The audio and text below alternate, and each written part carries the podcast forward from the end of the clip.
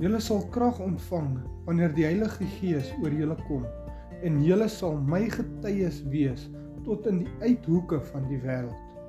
Mag elkeen van julle se harte ontvanklik word vir die Gees van die waarheid sodat julle vir hom kan getuienisse wees daar buite in dit waarvoor hy julle nodig het. Amen. Hartlike goeie dag. Dis weer eens 'n voorreg om saam met jou te kuier. 2 Korintiërs 13 vers 13. Die genade van die Here Jesus Christus en die liefde van God en die gemeenskap van die Heilige Gees sy met julle almal. Sy met julle almal spreek van deel wees van julle almal. Met ander woorde hierdie skrifgedeelte sê dat die Heilige Gees moet deel wees van julle almal. Net so vinnig ter inleiding. Geregtigheid spreek van die gesindheid by die mens en ooreenstemming met die wil van God, asook die gesindheid by jou en by my om reg aan ander te laat geskied. En baie belangrik, ons meet ons verhouding met die Heilige Gees aan die mate van geregtigheid in ons lewe, die mate van die gelykvormigheid aan die beeld van die Skepper, die vrug van die Gees wat ons in ons lewens openbaar. Maar vandag wil ek met jou gesels oor koinonia die Griekse woord vir die woordjie gemeenskap wat spreek van intimiteit, vennootskap en verantwoordelikheid. So op grond van 2 Korintiërs 13 vers 13 sal dit dan soos volg parafraseer, naamlik dat die gemeenskap van die Heilige Gees spreek van die intimiteit van die Heilige Gees, die vennootskap van die Heilige Gees en die verantwoordelikheid van die Heilige Gees sy met julle almal. En dit verander ewe skielik die prentjie en bring nuwe lewe, stem jy saam? Kom ons gesels oor hierdie intimiteit van die Heilige Gees. Intimiteit wat spreek van innigheid, die binneste van iemand. Om intiem te wees, diep in iemand se binneste aanwesig wees of daaruit voortvloei. Wie is in ons binneste? Of kom ek vra so wie is veronderstel om daar te wees? Wie se woonplek is ons? Wat sê die woord? 1 Korintiërs 3 vers 16 verklaar: "Weet julle nie dat julle 'n tempel van God is en dat die Gees van God in julle woon nie?" 1 Korintiërs 6:19 tot 20. Of weet julle nie dat julle liggaam 'n tempel is van die Heilige Gees wat in julle is, wat julle van God het en dat julle nie aan julleself behoort nie? Julle is duur gekoop. Verheerlik God dan in julle liggaam en in julle gees wat aan God behoort. So wie moet in ons binneste wees? Die Heilige Gees. Op grond van Johannes 14:26 is die Heilige Gees ons leermeester en hy openbaar homself aan die mens wat 'n intieme verhouding met hom het. En sonder daardie intieme verhouding kan jy nie tot 'n dieper verhouding met God kom nie. Kom ek verduidelik. As ek vandag verklaar dat ek en my vrou 'n intieme verhouding het, dan verklaar ek vandag dat sy my diepste geheime ken, dat sy my probleme weet, dat sy ten volle bewus is van my tekortkominge en dat ek ook haar diepste geheime ken, ook bewus is van haar probleme en ook weet van haar tekortkominge.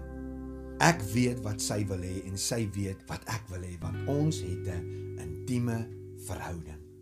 Sy dink soms soos ek dink en ek dink soms soos sy dink en sy weet dinge van my wat jy nie weet nie want ons is intiem. Wat probeer ek sê? As jy wil weet wat God van jou verwag, as jy wil weet wat God van jou vra, as jy wil weet wat God van jou wil hê, vra dit intimiteit. Intimiteit met die Heilige Gees. Hoekom sê ek so? 1 Korintiërs 2 vers 7 tot 14. Maar ons spreek die wysheid van God wat bestaan in verborgenheid, wat bedek was en wat God van ewigheid af voorbeskik het tot ons heerlikheid wat niemand van die heersers van hierdie wêreld geken het nie want as hulle dit geken het sou hulle die Here van die heerlikheid nie gekruisig het nie. Maar soos geskrywe is wat die oog nie gesien en die oor nie gehoor en in die hart van die mens nie opgekom het nie wat God berei het vir die wat hom liefhet.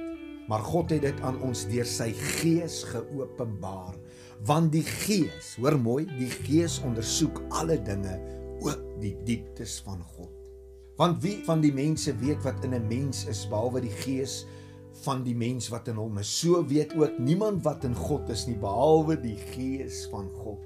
Ons het ewenwel nie die gees van die wêreld ontvang nie, maar die gees wat uit God is sodat ons kan weet wat God ons uit genade geskenk het. Daarvan spreek ons ook. Nie met woorde wat die menslike wysheid leer nie, maar met die wat die Heilige Gees leer sodat ons geestelike dinge met geestelike vergelyk. Maar die natuurlike mens neem die dinge van die gees van God nie aan nie, want dit is vir hom dwaasheid en hy kan dit nie verstaan nie omdat dit geestelik beoordeel word. Jy sien die meeste gelowiges weet dat hulle naby aan die Vader moet leef en dat dit danksy Jesus se verlossingswerk 'n moontlikheid geword het. Maar hulle dink nooit daaraan dat hulle 'n intieme verhouding met die Heilige Gees moet hê nie. En dit het tot gevolg en ek wil jy moet mooi luister. Dat baie mense tot bekering en verlossing kom, maar nooit verder as daardie stap of punt vorder nie. Hulle kom nooit by die krag van die Heilige Gees uit nie. En dit is die verskil tussen Christen en kind van God wees. Die verskil van die Heilige Gees, intimiteit met die Heilige Gees. As jy begeer om soos Jesus te wees, begin met 'n intieme verhouding met die Heilige Gees. Begin met hom gesels. Begin met hom kommunikeer soos wat jy dit met 'n vriend of 'n familielid sal doen.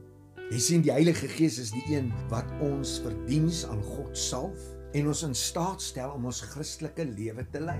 Romeine 8:14 leer dit vir ons, want almal wat deur die Gees van God gelei word, die is kinders van God. Die Heilige Gees help ons om 'n lewe van oorwinning te leef. In Johannes 4:4, julle is uit God my kinders en het hulle oorwin omdat hy wat in julle is groter is as hy wat in die wêreld. Die Heilige Gees maak die woord van God vir ons toeganklik sodat ons sy gedagtes en sy weë kan verstaan kry 'n intieme verhouding met die Heilige Gees. Maak tyd saam met die Heilige Gees. Onthou, as iets regtig vir jou belangrik is, dan maak jy tyd vir dit. So hoe belangrik is die Heilige Gees vir jou? Jou verhouding met die Heilige Gees is die belangrikste verhouding in jou hele lewe, want as jou verhouding met hom reg is, sal al jou ander verhoudings gesond en dinamies wees. Hy weet wat die Vader wil hê want hy ondersoek die dieptes van God. Hy getuig en herinner aan Jesus en hy is die leraar tot geregtigheid wat die regte gesindheid in jou wil openbaar. Begin 'n intieme verhouding bou met die